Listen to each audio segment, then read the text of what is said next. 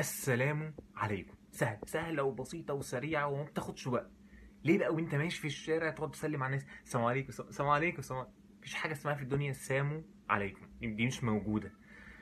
ربنا عز وجل لما خلق سيدنا آدم قال له روح وسلم على أولئك النفر من الملائكة فإنها تحيتك وتحية ذريتي. سيدنا آدم راح وقال لهم إيه؟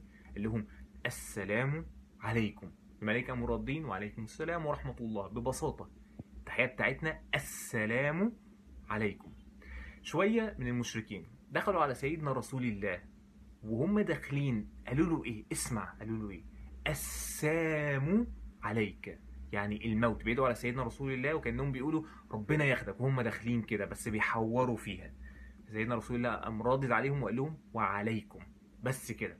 فأنت ممكن تكون مستسهلها وممكن تكون الموضوع بالنسبة لك لا يا عم إحنا بنقولها على طول وبتاع. وأنا مش قصدي كده لكن هي بتطلع منك كده والناس اللي حواليك بيقلدوك على اللي أنت بتقوله. فلا اسمها السلام عليكم. مش عايزين نغلط فيها مش عايزين ندعي على حد وإحنا مش قاصدين مش عايزين كل ده. عايزين الحاجة اللي ربنا عز وجل اختارها لنا الحاجة اللي ما بتاخدش والله خالص وقت.